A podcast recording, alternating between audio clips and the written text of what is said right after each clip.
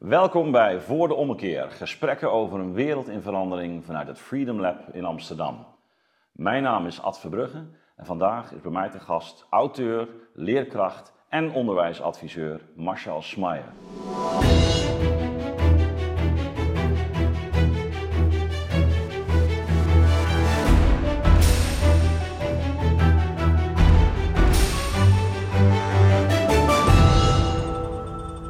Marcel, welkom.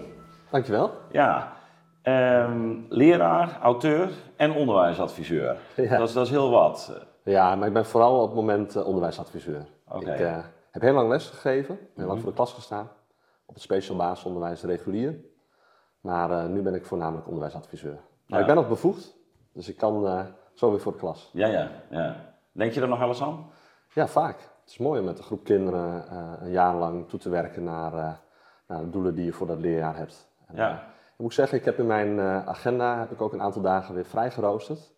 Om, eh, om weer een aantal dagen voor de klas Oké, te staan. maar echt een man uit de praktijk dus. Ja. En nu al jaren ook actief, ook auteur. Je Ja. hebt verschillende boeken geschreven en je geeft scholen advies over onderwijs. Ja, ik help scholen om hun lessen te verbeteren. Ja, nou daar gaan we het nog over hebben. Eerst maar eens over die ja, toch veel besproken onderwijsverandering of beoogde onderwijsverandering eh, curriculum nu. Hè, waarbij men eh, eigenlijk vanaf voortgezet of eh, basisonderwijs tot en met voortgezet onderwijs, voortgezet onderwijs een, een nieuw curriculum wil ont- ontwerpen. Nou, de eerste plannen liggen nu op tafel. Eh, hoe kijk jij daarnaar als nou ja, ervaringsdeskundige, auteur en adviseur? Ja, vanuit welke rol hè? ja. Ja, nou, de vraag is waarom moet er een curriculumherziening zijn? Ik ben dan vooral gespecialiseerd in rekenonderwijs. Mhm. Wat is er veranderd aan rekenen? Wat moeten we daarin aanpassen? Zijn er nieuwe getallen ontdekt of nieuwe bewerkingen? Nee. Dus wat moet er eigenlijk veranderen in het rekencurriculum? Dat vind ik eh, wel een belangrijke vraag om, eh, om jezelf eh, te stellen. Dus waarom moeten we iets veranderen? Wat moet er dan veranderen? Ja, nu, hoor- nu hoor je natuurlijk vaak, ja, maar de wereld verandert. Hè? Ehm, ze hebben in de toekomst hebben ze die wiskunde op een heel specifieke manier nodig.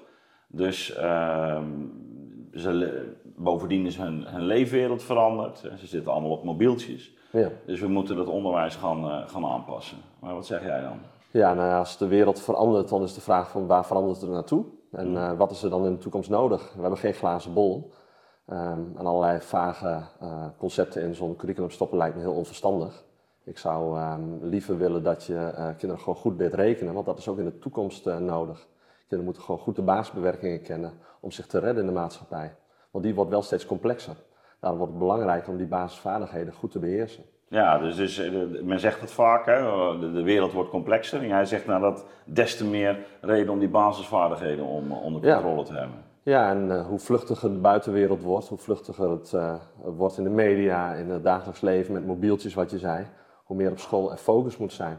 Eh, aandacht langere tijd concentreren, maar ook eh, veel herhalen en oefenen, zodat je een brede kennisbasis hebt, die je vervolgens dan in de praktijk kunt toepassen. Ja, nou, dat is heel herkenbaar. Hè. Ik heb eh, zelf een aantal jaren geleden een boek uitgebracht, eh, Onderwijs in tijden van digitalisering. Daarbij eigenlijk ook de vraag gesteld, eh, nou ja, wat, wat betekent eigenlijk tech- techniek, wat doet technologie? Eh, ja, we- natuurlijk, ze geeft nieuwe mogelijkheden, we leren er nieuwe dingen door, maar we kunnen er ook door verleren. Ja, En we kunnen ook inderdaad zo gewend raken aan bepaalde zaken dat je, dat je het juist kwijtraakt. Hè. Denk aan het gebruik van de TomTom, waardoor je soms niet meer goed kunt, eh kunt Ja, kaart, bijvoorbeeld. kaart lezen. ja. En, en zo geldt het eigenlijk ook voor, voor, eh, voor digitale middelen. Van, ja, je, zoals de rekenmachine bijvoorbeeld. Eh, ze geven ons iets, maar ze ontnemen ons ook iets. Nou, jij wijst nu eigenlijk al op bepaalde centrale dingen. Het belang van oefenen.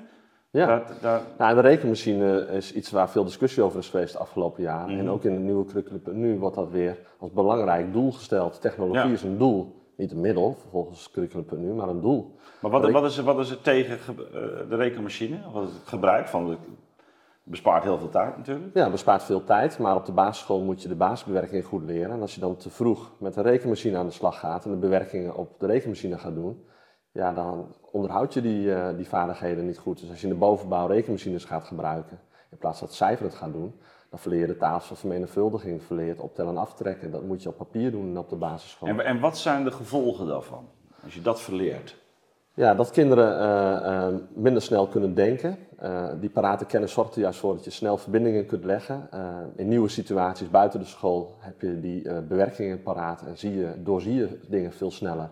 Als je alles moet uitrekenen op een rekenmachine, als je alles moet opzoeken op Google, dat kost behoorlijk veel tijd. En dat is maar de vraag of het dan ook klopt wat er op Google staat. Dus je moet een soort kennisbasis hebben vanuit waar je kunt denken. En als je dan technologie gebruikt, prima, maar je moet wel die basis goed beheersen. Ja, en, en als je nu kijkt naar dat curriculum nu, dan, dan, dan vallen jou een aantal zaken op.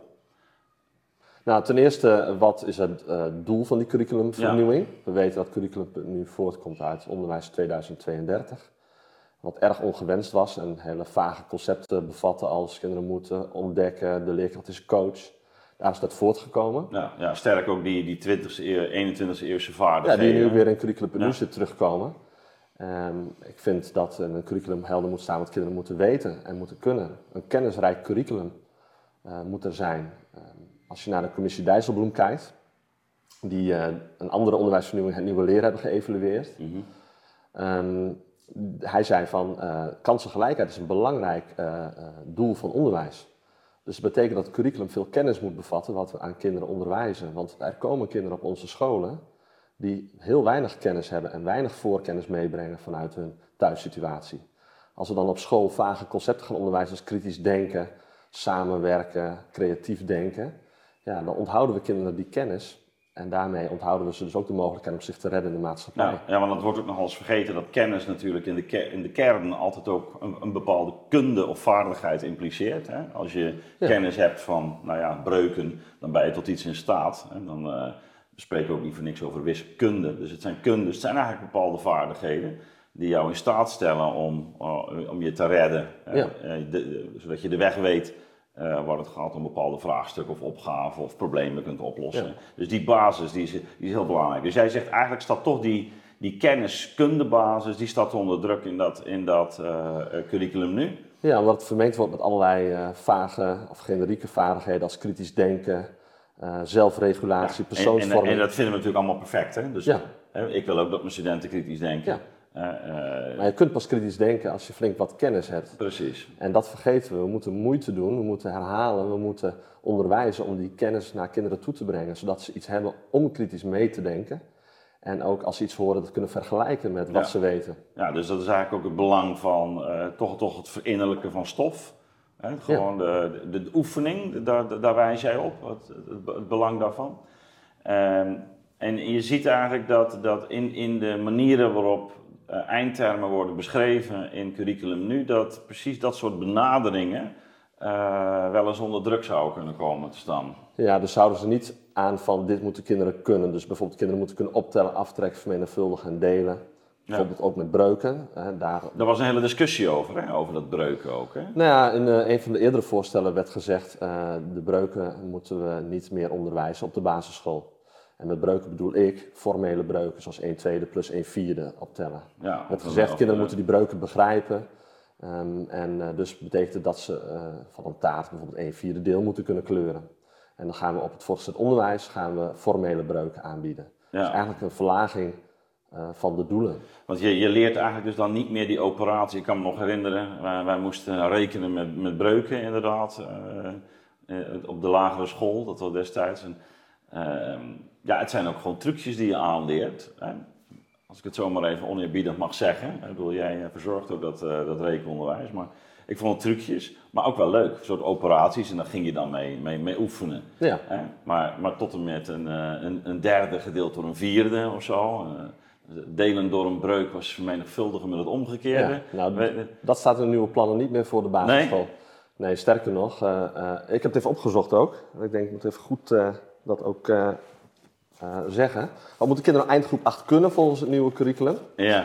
Nou, leerlingen leren om betekenis te geven aan breuken als weergave van een verhouding. Het is eigenlijk heel cognitief. En ja. Betekenis geven. Dus het is niet dat ze gewoon aan het rekenen zijn, maar ze moeten betekenis geven. Ja, en dat kun je op heel veel manieren uitleggen, maar waarschijnlijk is betekenis geven dat je een, een deel van een geheel kunt kleuren in een pizza of een, of een taart. Ja, ja. Leerlingen leren verschillende type mhm. verhoudingsproblemen op te lossen. Daar moet je over nadenken even. Hè? Ja, verhoudingsproblemen. Ja.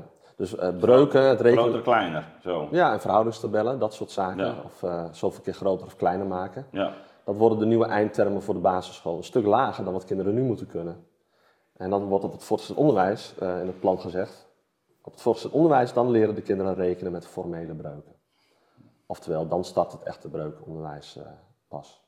Dat is een verlaging van de doelen. Ja. Nu, in bijna alle rekenmethodes, moeten kinderen gewoon kunnen optellen, vermenigvuldigen met breuken, uh, samengestelde breuken. Ze moeten ze gelijknamig maken, ze moeten weten wat ongelijknamig is. Nou, dat verdwijnt, ze moeten begrijpen wat de breuk is, namelijk een deel van een geheel. Nou, en dat is ook een van mijn kritiekpunten. Dat is wel heel karig eigenlijk. Ja, en ook de focus voortdurend op begrip. Je moet begrijpen, ja, be- begrijpen, nee, dat bedoel ik, dat cognitieve begrijpen. Ja. Want je zegt van leer vooral ook die operatie uit te voeren, toch? Ja, en nu zit het begrijpen van breuken vooral in groep 6. Hè, dan, dan krijg je breukencirkels bijvoorbeeld en materialen om te zien dat Hm. een breuk een deel van een geheel is. Waarna je in groep 7, 8 ehm, gaat werken met formele breuken. Nou, dat willen ze opschuiven naar het VO. Maar het is interessant, want je zou kunnen zeggen, op een bepaalde manier is het omkeren van de volgorde. Ja, dat is het, ja. Want je zou, eh, eh, op- op het moment dat je heel veel met breuken hebt gewerkt en al die oefeningen, dan, komt, dan, dan, dan, dan kan er uiteindelijk een soort begrip ontstaan. ja. Maar, maar begrijpen zonder dat je ermee hebt gewerkt, is eigenlijk, want dan begrijp je niet goed wat je aan het doen bent. En dus ook met zo'n tafel, dat is het voorbeeld dat jij geeft, eh, natuurlijk, hè, deel-geheel-verhoudingen. Maar op, Ja. op het moment dat ik zeg van ehm, eh, een kwart van deze tafel, hè, eh, vermenigvuldig dat is met een, een derde van die tafel, Dat kun je niet meer begrijpen. dan, Nee. dan, dan sla je dicht. Ja. Dus daar zit ook beperking aan. En natuurlijk in het begin, als je uitlegt wat vijf is, dat staat voor vijf vingers of vijf blokjes. Dat is, maar in het nieuwe curriculum is begrip niet, wat ik nu vertel, Ja. begrijp dat voor vijf staat of voor een deel van een geheel. Maar moet het vooral in een context, in een verhaal eh, verpakt worden. Ik heb ook even in het curriculum gezocht voor een aantal woorden. Eh, een, even een quizje. Hoe vaak komt in het eh, nieuwe curriculum het woord sommen voor? Ja, nu je het zo vraagt, wel waarschijnlijk heel weinig, denk Ja, ik. één keer. Eén keer. Dus, bij, dus ze, ze beschrijven dus De leerstof? stof voor, de leerstof in het basisonderwijs en er komt maar één keer het woord sommen in voor. Ja, en wat komt er dan heel veel in voor? Contexten. Context. 61 keer. Ja. abstraheren.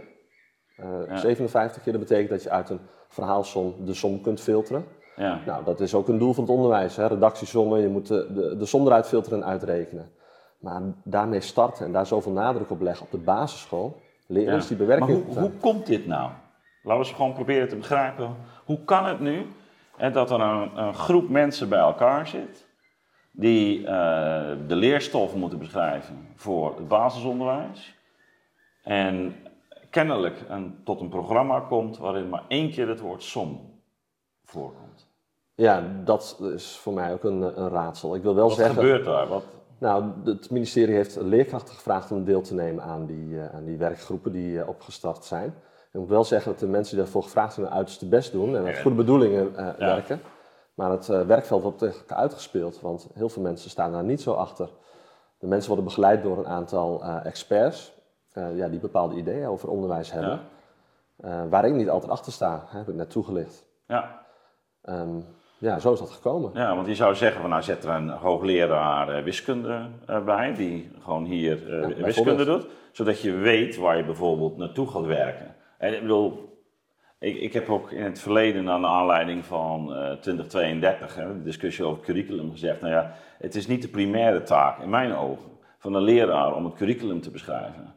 Het is, de primaire taak is eigenlijk van iemand die het geheel kan overzien, Ja. hè, die, die zegt van, hey, maar waar- hier moeten we uitkomen. Maar er is, er is een curriculum. Ja. Methodemakers hebben perfect het curriculum beschreven per leerjaar en eh, komen uit op veel hogere doelen wat het curriculum nu beschrijft. Ja. Ehm, ja, en eh, eh, scholen hebben dat altijd in eigen hand eh, ook gehad. Ik heb ook een mooi leuk boekje meegebracht. En dat heet Dit moet ik weten. Geen 112 pagina's, maar een stuk of 16 pagina's. Dit, dit is, dit is een. Een curriculum voor de Ja. basisschool voor rekenen. en zo, zo kort kan het dus ook. Ja, en daar staat gewoon in, dit moeten ze kennen en kunnen. En Ja. geen bemoeienis, maar zo moet je het aanpakken. Je moet abstraheren, je moet persoonsvormen, je moet zelfregulatie hebben. Dit moeten kinderen kunnen. En tijdens het onderwijzen komen al dat soort dingen wel aan bod. Want je kunt niet onderwijzen zonder je leerlingen Ja. vorming mee te geven of zelfregulatie. Ik vind het heel eng dat dat in een curriculum beschreven gaat worden, persoonsvorming, zelfregulatie. Wie Ja. gaat dan de criteria daarvoor bepalen? Ja, nee, natuurlijk. Dus eh, op het moment dat je als leraar iets effectief wil uitleggen in de klas, dan impliceert dat natuurlijk ook bepaald gedrag van kinderen. En relatie met En relaties. Ja. met, met, eh, natuurlijk. Maar dat formaliseren in een curriculum onder het kopje persoonsvorming, wat ook in het nieuwe Ja. rekencurriculum staat, persoonsvorming. En welke criteria hangen we daar aan en wie bepaalt die criteria? Dat vind ik eh, niet iets eh, waar, waar we naartoe moeten. Dus een soort therapeutisering van de school, hè? Ja, zou je En, kunnen zeggen, ja. ja. Dat eigenlijk als alles in, in het psychologische wordt getrokken en dat je allerlei, aan allerlei kwaliteiten moet voldoen. En als je, daar, als je daar niet aan voldoet, dan heb je een probleem. Dan zeggen, nou ja, volgens mij moet je eh, om te beginnen bij rekenen, leren rekenen. En daar is niets aan veranderd aan het rekencurriculum. Nee. En leerkracht zit er ook niet op te wachten. Hè? Ja. Ehm, leerkrachten eh, eh, weten doorgaans helemaal niet dat deze curriculumverandering eraan komt. Ik geef heel veel training op scholen, dus toen het startte noemde ik het in mijn trainingen en de zaal keek me echt aan van waar heb jij het over? Ik dacht iedereen weet dit. Dus ik ging vragen wie kent curriculum.nu, wie weet dat er een curriculumverandering komt. Eh, ik heb dat eh, bij een aantal schoolteams en aan lezingen gedaan, tot ik in totaal 600 mensen had. En van die 600 mensen wisten er drie Ja. dat er een curriculumverandering aan zat te komen. Ja, maar dat, dat is eigenlijk ook ongehoord. Hè? Dus als, je, als we nu gewoon kijken, even naar jouw ervaring, ook als, als leerkracht, maar ook als adviseur en auteur. En dus je kijkt naar zo'n curriculum en je zegt eigenlijk met al je ervaring van dien, eh, de, de kern ontbreekt. Ja, Hè? De, de kern waar het om gaat ontbreekt. het draagvlak ontbreekt. Het, het draagvlak eh, ontbreekt. Ja. Ehm, klaarblijkelijk is hier iets in gang gezet wat ehm, een, een bepaalde groep mensen eh, iets oplevert. Eh, ofwel ze kunnen een onderwijsideaal doen, of ze verdienen er een goede boterham mee. Ik bedoel, wat, wat het motief ook mag zijn. Maar een heel groot deel van, van de mensen is niet eens op de hoogte. Nee. Dat zijn eigenlijk degenen die het moeten gaan uitvoeren. Klopt. En laat dat nou een van de wijze lessen zijn geweest van Dijsselbloem. Hè, er moet draagvlak zijn van het onderwijsveld. Ja. En ik weet niet of het draagvlak is, want mensen kennen het niet. Ehm, maar ze kwamen wel met vele tienduizenden naar het Malieveld om te protesteren eh, voor eh, verlaging van de werkdruk en meer loon. Ja. Dat zijn dingen waar leerkrachten mee bezig zijn. Ja, Pas het onderwijs vormgeven. Maar met de curriculumherziening zijn ze niet bezig. dat- dat, is allemaal al geregeld. En dat is, dat is eigenlijk dan nog een element, van, ook, ook kenmerkend over, overigens eh, eh, voor de manier waarop eh, Den Haag nog wel eens functioneert. Dat, dat, er, eh, dat er eigenlijk niet helder in kaart gebracht is wat nou eigenlijk het probleem is. Nee, dus dat, Dus, dus, dus wat wij destijds ook naar voren hebben gebracht in, de, in het debat rond, rond eh, die curriculumherziening. Van, wat is het probleem? Nou, daar begon ik ook mee. Waarom moet het rekencurriculum herzien worden? Wat is eraan veranderd? Moet ik wel zeggen, ik sprak eh, een aantal woordvoerders onderwijs van de vaste Mhm. Kamercommissie Onderwijs. En zij gaan hier nog naar kijken, hè, als Ja. het voorstel definitief is. Maar ze houden zich nu bewust op de achtergrond. Ja. Want dit moet eerst verder worden uitgewerkt Nee, maar het het is, voor, het is voor ons belangrijk dat we dit gesprek voeren. Ja. Hè, als direct betrokkenen Ja, en, en, zeker. bela- en belanghebbenden. Luister, dat, wil, dat willen ze ook. Ze willen feedback hebben bij Curriculum.nu. Ja, dus ik hoop nou, dat dit- ze dit gesprek daarin meenemen. Ja, zeer zeker. Dus, dus we, we stellen nu vast waar het gaat om rekenonderwijs. Hè, dat die kern ontbreekt, dat eh, eigenlijk het, het niveau eh, achteruit gaat. Dat er een risico is dat eigenlijk de basis niet geoefend wordt. Eh, en dat wanneer we dit als uitgangspunten op de pabo's ook niet meer, eh, laten we zeggen, die, die basis wordt bijgebracht aan de toekomstige leraren. Nee, als dat niet helder is, kun je dat op de pagina's Nee, niet goed want eh, wat, wat zou je ze daar moeten leren? Ja. Wat, wat, wat merk jij nu eigenlijk op het moment dat je... Want je hebt een, een, een boek geschreven, Expliciete Directe Instructie. En dat, dat, dat gaat over, het- over technieken voor een goede les. Klopt. Ja. Ehm, er zijn er 25.000 van verkocht, dus kennelijk grote behoefte aan. Ehm, dan hebben we het ook over iets wat, wat natuurlijk de, de, de pabo's betreft. Nou, eh, Dus wat zal je vertellen, tegen? er zijn inmiddels 30.000 al 30.000 verkocht. verkocht? Ja. Dit zou je op de Pabo moeten leren. Hoe geef je goede les? Dus als je van de Pabo komt, moet je weten, zo breng ik kennis over. Zo, Ja, zo, zo leer ik ze die tafels bijvoorbeeld. Bijvoorbeeld, ja. Of eh, hoe, hoe check ik dat ze het ook begrepen hebben? Of hoe Ja. ga ik stapsgewijs iets aanleren? Dat zou je op de Pabo in de basis moeten kunnen. Dat dit boek 30.000 keer verkocht is, betekent dus dat er een grote behoefte is om dat te weten en te kunnen. Ja. Blijkbaar wordt dat niet onderwezen op de Ja, want wat, wat, wat kom jij tegen in, je, je, in het werkveld? Nou, dat leerkrachten heel blij worden van ik mag weer onderwijzen. Ik mag dingen uitleggen aan kinderen. Ze, ze, ze zijn eigenlijk in verwarring gebracht ook. Door, door, tijd lang door wel, ja. allerlei, eh, laten we zeggen, pedagogische... Ja, kinderen moeten worden geactiveerd, dus moeten we vragen aan ze stellen. Eh, dus wordt een les begonnen met het stellen van vragen. Maar kinderen kunnen die vragen niet beantwoorden als ze daar nog geen kennis over hebben. Ja, het is ook heel veel verspilde moeite natuurlijk. Ja, en dan ga je vissen, de quizmaster spelen Ja. van wie, wie weet het. En dan gaan altijd dezelfde Ja. vingers omhoog. Ja. De kinderen die met voorkennis op school komen, de kinderen uit de hogere sociale milieus.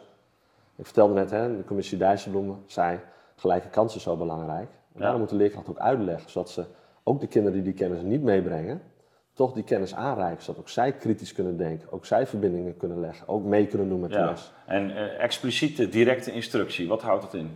Dat ehm, de leerkracht heel goed weet wat hij aan wil leren, dus heldere doelen heeft. Vandaar dat ook een curriculum nodig is wat heldere doelen beschrijft. Ja, dus he- heldere, heldere doelen. Ze moeten aan het eind van de rit moeten ze een aantal operaties met breuken kunnen doen. Bijvoorbeeld. Ja, bijvoorbeeld Ja, dus of de persoonsvorm uit kunnen halen. Ja. Of een zin kunnen eh, ontleden, persoonsvorm daar. Als je dat weet, kun je een, een, een opbouw maken van lessen waarin je die vaardigheden onderwijst. Dus vakinhoud is heel belangrijk. Kennis van vakinhoud. Je moet, de leraar moet gewoon, eh, eh, of het nu grammatica is, eh, dan, dan wel geschiedenis of rekenen, moet de basis zelf onder de knie hebben. Dat moet hij dus Ja. geleerd hebben eh, op een pabo.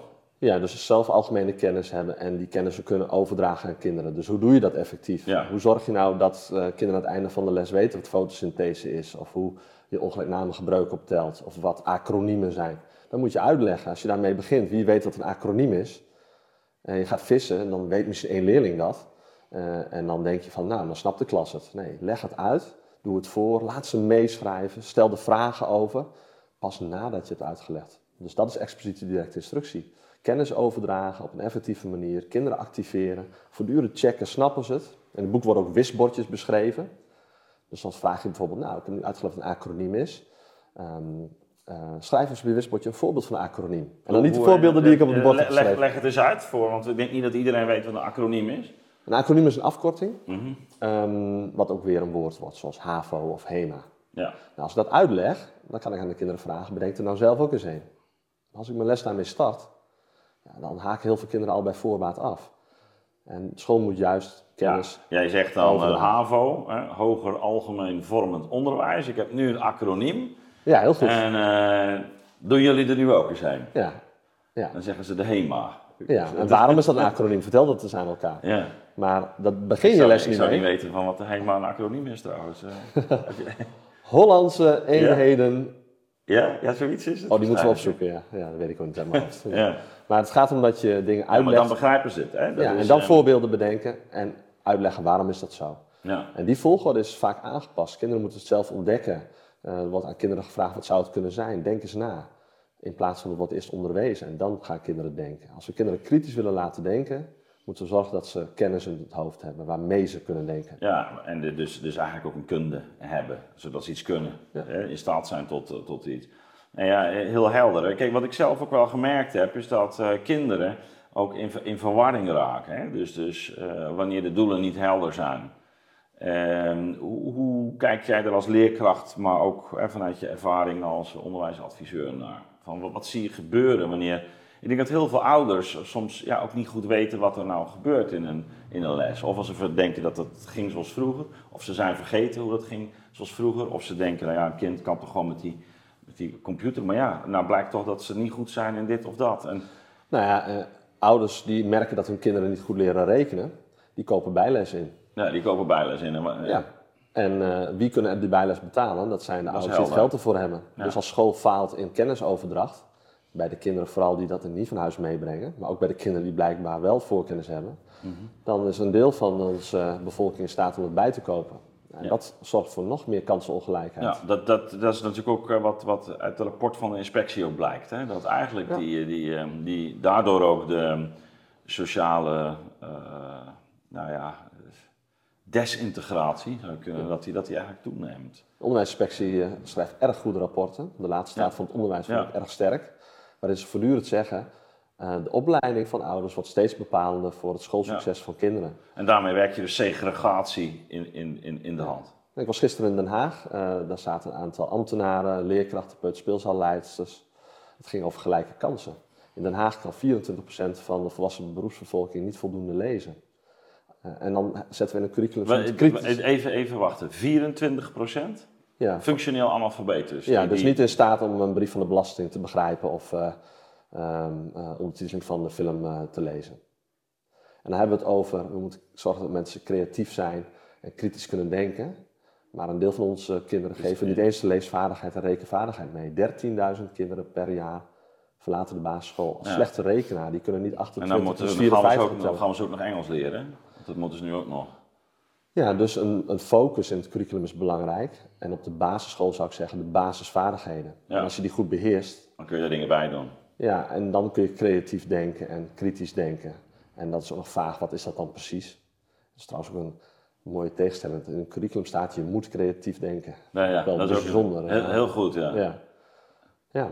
Maar goed, dus, dus je ziet eigenlijk dat uh, doordat er uh, onheldere onderwijsdoelen worden geformuleerd, dat voor uh, lerarenopleidingen niet meer helder is wat, wat de vakkennis moet zijn, waarmee, uh, en dat is misschien al een heel lang aan de hand, want die vakkennis op onze pabo's, die, die laat ook nogal wat te wensen over natuurlijk. Maar leraren zelf weten dan eigenlijk ook niet meer goed hoe ze zo'n vak moeten uitleggen. Hè, of of wat, ze eigenlijk zouden moeten uitleggen. Als je zelf die bijvoorbeeld uh, grammatica niet echt onder de knie hebt, dan wel wiskunde niet goed beheerst, of, of rekenen niet goed beheerst, hoe zou je het dan moeten uitleggen? dus, dus je hebt eigenlijk ook een, een, een probleem al, al daar. En dan is er ook nog een bepaalde instructie-onduidelijkheid. Van we doen dat meer vragenderwijs of spelenderwijs. Ja, vanuit contexten. Wat contexten. niet heel effectief is. Ja. En dat, uh, dat zorgt er weer voor dat kinderen die uh, het al moeilijk vinden of weinig voorkennis hebben in de lessen niet echt tot de kern komen van wat er geleerd moet worden en met te weinig kennis de basisschool verlaten. Ja, wat, dat, wat, wat uiteindelijk de segregatie weer versterkt. Of het verschil tussen hoger en lager opgeleiden. Ja, dus, uh, Zwarte scholen, witte scholen, dat, ja. het, allemaal hoe je het maar wil noemen. Je noemt op terecht de PABO's. Op de PABO's uh, heel veel rekendocenten hangen het ontdekkend rekenen aan het realistisch rekenen. Ja. En ja, dus dat, dat zorgt ook niet voor dat kinderen goed leren rekenen. En er zijn wel PABO's die het anders doen hoor. Er zijn PABO's die enthousiast zijn over deze boeken. Op de Radboud Universiteit is nu een academische PABO opgezet. En dat bedoel ik volledig academisch. Mm -hmm. PWPO. Waar het eerste jaar in teken staat van expliciete directe instructie. Leerkrachten leren daar uh, uh, om les te geven volgens het model van directe instructie, zodat kinderen de kennis goed uh, in het hoofd krijgen. En het kan dus wel. Ja. En er is ook wel een, een kentering gaande. Hè. Ik, het boek is 30.000 keer verkocht. Leerkrachten willen lesgeven, heldere doelen hebben, instructie geven, onderwijzer zijn. En, uh, en Pabos beginnen nu ook uh, dat weer Ja, maar dat is natuurlijk enorm. Ik bedoel, ik neem aan dat dit dan door leraren, maar ook door scholen wordt aangeschaft. Ja, je bent ja, ook, zeker. Je bent natuurlijk ook actief als adviseur. Ja. Dus is, is het, zie, heb je nou ook wel gezien dat scholen bijvoorbeeld een, een, een hele omslag, een ommekeer ja. doormaken? Dus dat, dat, je, dat jij, laten we zeggen, binnenkomt of dat nou, er al een proces gaande is waar jij dan vervolgens deel van uitmaakt. Maar dat, dat er een, een, jaar later echt betere resultaten worden geboekt.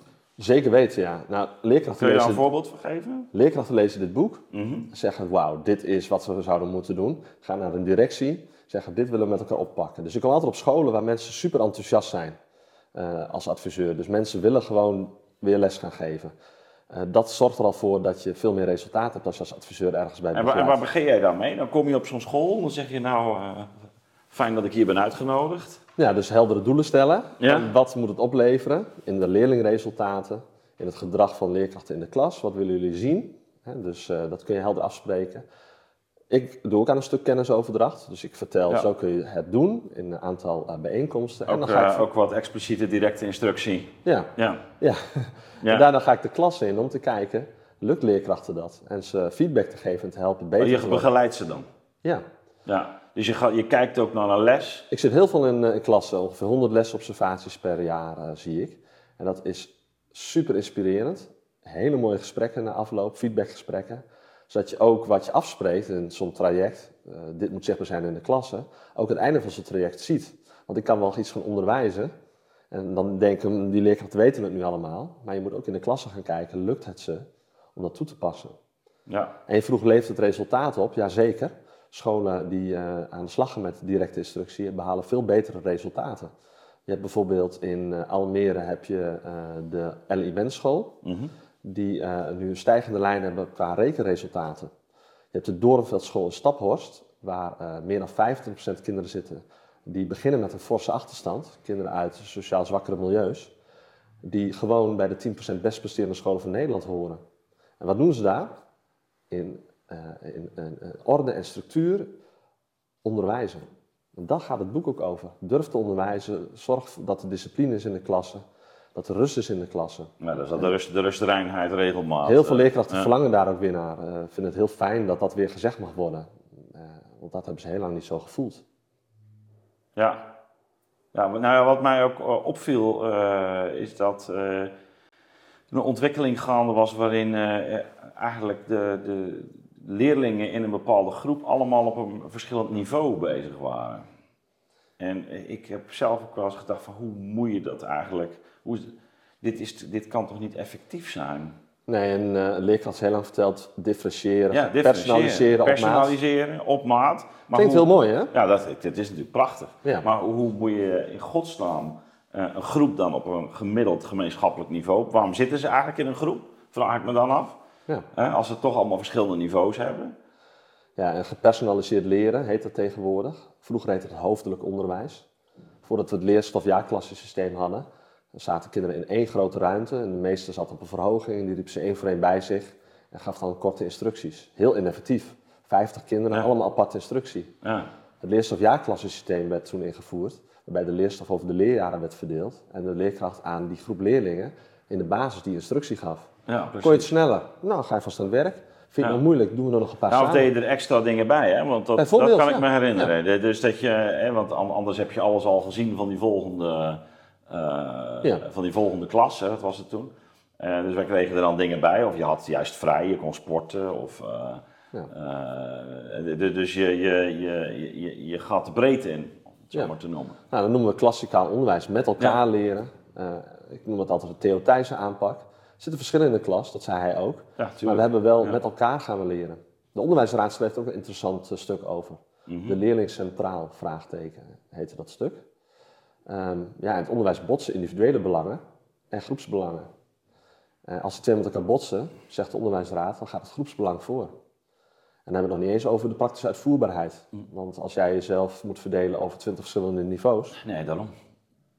Dat, stel, stel dat het mogelijk was. Hè? Maar, maar, jij bent dus eigenlijk, eigenlijk van het slag dat dus binnenkomt op een school en voor een deel, eigenlijk, laten we zeggen, gewoon oude wijsheid ook toepast. Ja. Gezond verstand. Er zitten heel vaak uh, oudere leerkrachten achter in de zaal die knikken zo. Ja, zo van, oh ja, zo deden we het. Mag, het mag weer. En jonge leerkrachten zeggen van, wauw, wat gaaf dat ik dit niet op de pabo heb gehad. Dit, dit ga ik doen. Wauw, wat een resultaat levert op. Wat een actieve kinderen, wat betrokkenheid. Dus voor hen is het ook heel verfrissend. Ja. Ik, ik heb alleen maar enthousiaste leerkrachten in training. Het is echt ja, want je, je geeft ze eigenlijk ook houvast op dat ja. moment. Ja, duidelijke structuur. Maar ook dingen die gewoon bewezen werken. Zodat je ook resultaat hebt. Want leerkrachten werken keihard. Ja. En uh, als je keihard werkt, wil je ook zien dat kinderen goed leren lezen, schrijven en rekenen. En als je allemaal methodes hebt die vaag zijn, of uh, niet werkend, of gebaseerd op allerlei ideeën die niet bewezen zijn. En de onderwijsinspectie schreef ook in de laatste staat van het onderwijs, vage onderwijsconcepten. Ja. ja, dat is niet fijn voor je als leerkracht, want dan, wat levert je dan op? Je ziet niks, je ziet geen resultaat van je harde werk. Maar je wordt eigenlijk ook onzeker van natuurlijk. Ja, wij leerkrachten hebben ook succeservaringen nodig. Ja, tuurlijk wij willen ook zien dat wat wij doen effect heeft op het leren. Dat zijn vruchten afwerpt. Ja. ja. Nee, maar dat heb ik zelf ook hoor. Als ik een, uh, een vak heb gedoseerd en uh, uh, je ziet gewoon mooie, goede tentamens, dan word je daar heel blij van. En als kinderen die kennis meenemen in hun leven na de school, ja, dan kunnen ze dat overal toepassen. Ja. Dat hebben ze nodig. Ja, nou goed, we, we hadden het over die, die, die, die, die, curriculum, die curriculumverandering, die, uh, nou ja, waarvan we nog niet weten of die doorgaat natuurlijk. Laten we vooral dit soort kritische gesprekken ook blijven voeren, ook in, de, in de publieke ruimte. En maar, um, je vertelde zelf over je ervaringen en, en ja, hoe zo'n relatief ouderwetse methode, hoe die aanslaat, hoe groot die behoefte daaraan is. En waarin je eigenlijk nou ja, je gezond verstand je werk laat doen, maar ook, ook ervaringen die je ongetwijfeld meeneemt hè, van, van generaties leraren en onderwijzers en hoe die dat hebben aangepakt. dus we hebben nog heel veel ervaring natuurlijk in, ja. in lesgeven. Um, dat lijkt soms in, bij dit soort benaderingen eigenlijk uit beeld te verdwijnen, alsof de mens helemaal een nieuw wezen is. Hè, van we gaan, alles moet geïnnoveerd worden. Uh, nou ja, jij, jij, zegt terecht van, ja, maar hij heeft niet naar de, naar de feitelijke problemen gekeken in het onderwijs, hè, die, die er zijn. En er zijn er genoeg op te noemen. Ja, de, de, de toenemende kansenongelijkheid is kansen, er. Kansenongelijkheid, misschien kwaliteit van paarboos zou er een kunnen zijn. Ja, en ook dat uh, deze generatie kinderen minder goed leest dan hun ouders. Dat is ja, voor het eerst ja, in Dus, dus de, de, hele problematiek rond digitalisering, dat je ziet van wacht even, ze verleren ook dingen. Ja. He, ze zitten heel erg aan het scherm vast. He, ze bewegen misschien ook minder, wat inmiddels nu ook duidelijk cognitieve effect heeft. Hè? Het, is, nou, het cognitieve effect van schrijven is ook uh, ja. aangetoond. Je moet juist schrijven. Ja. Belang, belang van de aantekeningen maken. aantekeningen maken. Ook dat zit in het boek heel sterk. Een leerkracht zegt, ja, ik moet mijn bordwerk voor elkaar hebben. Kinderen moeten meeschrijven. Wauw, in plaats van klik, swipe. Ja. Ja, dat kunnen kinderen ook thuis. Laten ze op school dan vooral gewoon, leren schrijven, uh, aantekeningen ja, maken. En, en, als je ziet hoe mooi de juf of de meester kan schrijven. Ja, maar ook dat is ook zorgvuldigheid straalt het uit. Nauwkeurigheid, ook een belangrijke eigenschap die we kinderen mee moeten geven. Precies zijn. Ja, dus voor, dus voor een deel eigenlijk uh, nou ja, tegen de, de, de, verandering van de laatste decennia in. Hè? Ja. Die je nu, uh, ja, tegelijkertijd zijn de belangen toch heel groot die op, die op het spel staan rond zo'n curriculum nu. Er zijn veel mensen die daar... Uh, maar luister, altijd het belangrijkste is het belang van, het, van de leerlingen. Dat die voldoende dat, kennis kunnen opdoen. En het belang van de leerkrachten, dat zij hun vak terugkrijgen, kunnen onderwijzen. Dat moet centraal staan in een nieuw curriculum. En er is geen behoefte aan een nieuw curriculum voor rekenen op dit moment. Leerkrachten willen ondersteuning hebben met passend onderwijs. Ze willen minder werkdruk. Ze willen goed betaald worden voor het werk dat ja, ze Dat zijn de feitelijke problemen. Ja. En, en niet wat in 2030 uh, allemaal zogenaamd nodig zou zijn. Maar weet uh, jij wat er dan nodig is? Nee, maar ik denk dat, het dat, je, dat je nog goed met breuken en tafels om kan gaan. Ja, of kun je het allemaal op de rekenmachine via Google doen en via... Ja. Uh, nou ja, je, je, je, kunt natuurlijk ook heel jezelf uitbesteden en dan hou je op mens te zijn. Hè? Dus uh, ja, volgens mij is het heel, heel belangrijk dat je juist dit soort basisvaardigheden en kennis, dat je die onder de knie uh, krijgt. Um, maar nou zie jij ook natuurlijk gelukkig toch heel veel goede dingen gebeuren. Hè? Dus zo'n boek wordt Zeker, kennelijk ja. in de oplage, of, of inmiddels 30.000 keer uh, verkocht. Ja. Ehm, dus dus, dus wat is het landschap op dit moment? Nou, het landschap is dat er een grote groep leerkrachten is die uh, hun vak terugpakt. We zien ook mooie initiatieven ontstaan als het lerarencollectief, uh, waarin leerkrachten zich uh, verenigen. nou, Beter Onderwijs Nederland vind ik ook een goed voorbeeld, hè, wat ook een organisatie is waar leerkrachten zichzelf verenigen en opkomen voor hun vak. Dat zie je nu gebeuren. Leerkrachten die zeggen van wij willen met, met elkaar als team een scholing directe instructie, ja. wij willen weer kunnen onderwijzen. Geef ons de doelen, wat moeten ze kunnen? Wij bepalen hoe we ze naartoe brengen. Die verantwoordelijkheid zie je sterk terugkomen. Ja, en, en als je dan kijkt naar de, de besturen, er wordt natuurlijk veel kritiek opgeleverd. Maar jij ziet denk ik ook wel goede voorbeelden. Nou, ik vind zeker goede voorbeelden van, uh, van bestuurders. Ik vind Jeroen Goes een hele goede bestuurder. Die zich voortdurend afvraagt, wat hebben de leerkrachten nodig en de leerlingen. Die veel in de klasse aanwezig is die zelfs ook een les gaat geven. Ja, ja. en dat is ook een ontwikkeling? Nou, dat vind ik, uh, vind ik wel. Dus de bestuurders dus, die... Zoals vroeger een beetje de, de, de hoofdmeester hadden we geloof ik. Hè? Nou, maar die nog voor de klas... Maar je ziet natuurlijk wel aan het eind van de rit wat ze kunnen en wat ze niet kunnen. Hè? Ja, en je proeft op de werkvloer wat er nodig is, wat er leeft. Hoofdmeester ja. uh, of uh, hoofdjuf, ja. Hè? Dat, dat, is een mooie term. Het hoofd van de leerkracht, het hoofd der school. Ja. De leerkracht die de rest van het team meeneemt. En dan niet op allerlei managementgebieden en vage dingen die afleiden van de kern, maar die weet als we met elkaar beter onderwijs willen realiseren, dit dan moeten we dit doen. En ook die feedback ja. aan leerkrachten kan geven. Probeer dit. Kijk eens bij die leerkracht. En met elkaar hun lessen steeds verder verbeterd. Dat is een mooie taak van het hoofd. Maar dat, maar dat, maar dat zie je wel weer gebeuren? Dat zie ik uh, steeds meer gebeuren, ja. ja. Leerkrachten en directeuren en bestuurders die dat uh, met elkaar Maar dat is, dat is eigenlijk een beetje het Rijnlandse idee van de meewerkende voorman. Hè? Dat is de, ja. de, de, nou, ook, ook de leidinggevende geeft, doet ook gewoon het werk. Ja, en proeft op de werkvloer wat is er nodig. Ja. Wat kan ik doen als bestuurder om dat in goede banen te leiden. Want er zijn wel heel veel extra dingen op scholen afgekomen. Een hoofd der school die nog uh, twee dagen les geeft, hè, wat je vroeger had, dat kan niet meer. Er zijn zoveel regels en regelgeving en daar heb je gewoon een goede bestuurder voor nodig. En een goede directeur die dat regelt. Ja, hey, maar als je nou zo naar dat, uh, dat landschap kijkt in het uh, basisonderwijs.